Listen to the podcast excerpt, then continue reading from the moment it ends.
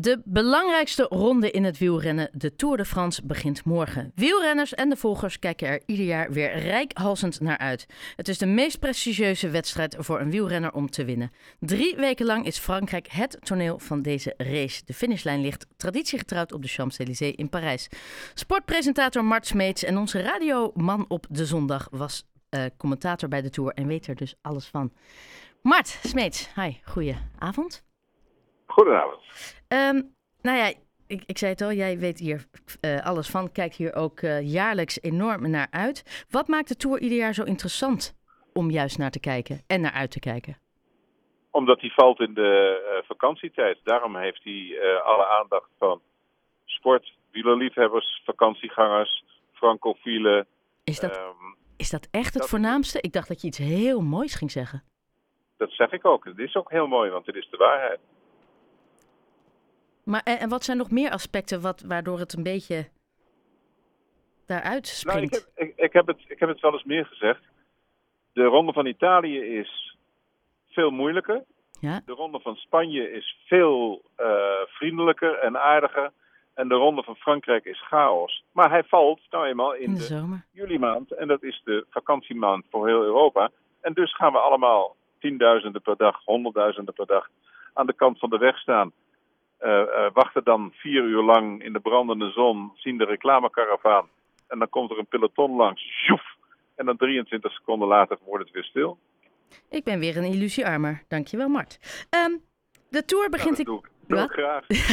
dat weet ik. Hey, de tour begint in Kopenhagen, uh, Denemarken. Ja. Waarom begint de tour eigenlijk in het buitenland? Omdat ze daar heel veel geld voor kunnen krijgen. De ASO is een hele commerciële onderneming in Frankrijk waar hele slimme mensen zitten. En eens in de zoveel jaar uh, verkassen ze de start naar het buitenland. Zo hebben wij de start gehad in 1954 al, Amsterdam. Uh, we hebben de start gehad in, uh, in Ierland. We hebben de start gehad in Engeland, in Londen. We hebben in Berlijn, toen de Berlijnse muur nog stond. Men zoekt overal steden waar ze met de buidel kunnen rammelen. En daar krijgen ze ontzettend veel geld voor. Heb jij enig idee hoeveel geld ze daarmee ophalen? 15, 20 miljoen. En, en, dan, en, en het enige wat je daarvoor terugkrijgt, is een heleboel toeristen. Maar wel de start van de tour. Krijgt, ja, maar je, kijk, wat Denemarken nu doet. Denemarken is sowieso een prachtig land om naartoe Ja. te gaan. Maar Denemarken is geen vakantieland. Want het waait er, het kan er regenen. Uh, wij, gaan nooit, wij denken nooit in noordelijke richting te gaan voor vakantie. Maar als je Denemarken goed wil zien, dan raad ik iedereen aan om van morgen tot en met zondag te kijken. Die twee etappes door Denemarken heen zullen een plaatje opleveren zoals zelden tevoren gezien is. We gaan met 98 renners, als COVID het tenminste toelaat. We gaan met zeker 190 renners gaan we over een brug rijden, vlak voor een uh, sprint. En die brug is 18 kilometer lang. 18 kilometer lang over een brug. Ja. Als televisiemaker heb ik alleen maar het idee, ik wou dat ik daarbij mocht zijn. Ik wou dat ik daar mee mocht re regisseren. Kan je je voorstellen wat de regisseur voelt nu al als hij die finale in beeld mag nemen? Met die helikopters die links en rechts van die brug mogen uh, vliegen, die er onderdoor mogen gaan en die houden daar voortdurend die renners vast. Ik, ik watertand. ja, ik, ik hoor het. Ik moet wel zeggen, dat enthousiasme dat gaat echt zo door de microfoon uh, de, de studio in. Um, maar je zei het al, hè? Nederlandse startplaatsen uh, hebben we ook gehad. Amsterdam, Scheveningen, Leiden, Den Bosch, Rotterdam. De laatste was in 2015. Um, hoe groot is de kans dat hij binnenkort weer eens naar Nederland komt? Ik niet, want ik, ik, ik kan niet in de gedachten. Nee, maar zou jij dat mooi, bijvoorbeeld Haarlem, de stad waar jij woont, zou, zou het dat, dat fijn kan zijn? Haarlem niet betalen. Dat kan Nee, Haarlem gewoon niet Is betalen. dat, dat is het dus, hè? Precies. Het, gaat, Het gaat alles echt om geld. Ja, de hele wereld gaat om geld. Dus, weer een illusiearmer. Um, tot de favorieten behoren dit jaar uh, Pogacar en uh, Roglic. Uh, hebben de Nederlanders enige kans? Nee, als we een interland zouden spelen tegen Slovenië, staan we een stukje achter, moet ik zeggen. Uh, het is opmerkelijk dat uit zo'n heel klein uh, landje, want Slovenië is maar een klein land, uh, wat lange tijd helemaal niet doorging voor een top wielerland. Maar ze waren wel top in handbal, basketbal en volleybal. En nu ineens is daar wielrennen bijgekomen. Wat is hun kracht dan? Ja, als ik dat zou weten, zou ik daar een mooie stuk over schrijven.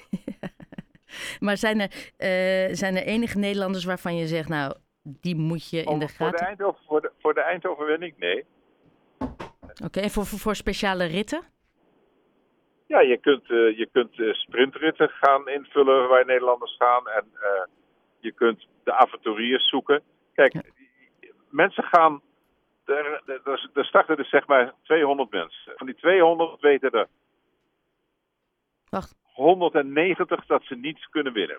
Dat is al één. Dan zijn er een paar die gaan voor etappenwinst. Nou, laten we daar nou eens 10, 12 man voor nemen. De rest rijdt mee in dienst van.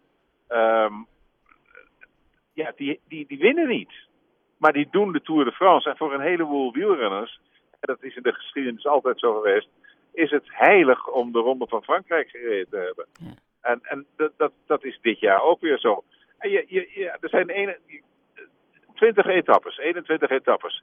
Dus de spoeling is ontzettend dun om bij de bloemenmeisjes te mogen komen. Heb jij, heb jij een favoriet gedeelte? Uh, dat had ik vroeger wel. Ik vond het leuk om uh, van Nantes naar beneden te rijden. In de richting van, uh, van Bordeaux. Daar was wind. En wind op de kanten. En wind op de kanten is voor wielerliefhebbers altijd aanleiding om de ogen te doen glimmen. En te zeggen van waaiers. Dus ik vind waaierrijen prachtig. Ja. Um, en, en vroeger, de, mijn, mijn eerste kennisname van uh, de Hoge Bergen, die was fantastisch. Maar dan praat ik over de jaren 73, 74. Toen zag de wereld er nog heel anders uit. Ja. Wat zijn de grootste veranderingen tussen toen en nu, wat betreft de wielersport? Toen werd er met beduidend veel minder mensen gereden. Er waren wel uh, tours bij waar maar 100 mensen aan de start kwamen. Dat is, dat is dus 50% van wat het nu is. Um, de wielersport zat toen nog meer geheimzinnig in elkaar dan nu. De controle is nu gelukkig beter. Dus je. Uh, kunt, Doping. Ja, dat, maar dat moet je altijd kunnen bewijzen. Ja. Voor, voordat je daarover gaat praten. En ik kan dat nu zeker in dit geval kan ik het niet bewijzen. Want ik ben ook maar gewoon toeschouwer vanuit Haarlem geworden. Maar het, het, het, er zit wel een verschil in. Er zit veel meer geld in. Veel meer structuur veel betere ploegen. Wielrennen is heel erg opgepimpt. De techniek is heel erg verbeterd. Uh, zelfs de televisie. Toen, uh, toen ik nog televisiecommentaar deed, begonnen we smiddags om half vier. Nu beginnen we s ochtends om half elf. Ja. En zien we een hele etappe.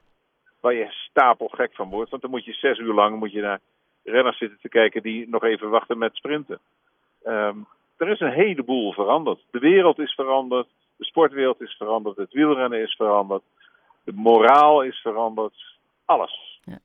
Ik, ik, ik ga hem stellen. Hè. Ik weet, ik heb het al een keer eerder aan je gevraagd en toen kreeg ik als antwoord goed. Ik doe niet aan speculeren. Nee, dus hoef je me ook niet te vragen. Goed punt. Nou, Mart. Dan, ja. ja, nee, ik ben toch benieuwd. Hè? Het is inderdaad de favorieten zijn of Pogacar of Roglic. Maar we hebben besloten, we doen het niet. Je hebt gelijk, je hebt een heel goed punt hier gemaakt, Mart. Nee, maar wat weet ik nou van de anderen af? Je, je weet nooit. Nee? Er, kan, er, is, er is een etappe in de buurt van, uh, zeg maar, Lille, onder Lille. De zogenaamde keien-etappe. Wat nou als de heren Roglic en Pogacar daar elkaar even aantikken, tegen de grond gaan. Nee. Eén breekt zijn knie en de ander breekt zijn fiets. Nou, dus... dat hopen we niet. Maar je, uh, uh, nee, dat hoop je niet. Maar, maar je hebt een punt. altijd uit. Mart, we, we laten ons gewoon verrassen. Um, ik, ik, wens jou ontzettend veel kijkplezier en heel erg bedankt voor alle toelichting. En uh, tot snel. Dankjewel. Merci à vous. Dank je.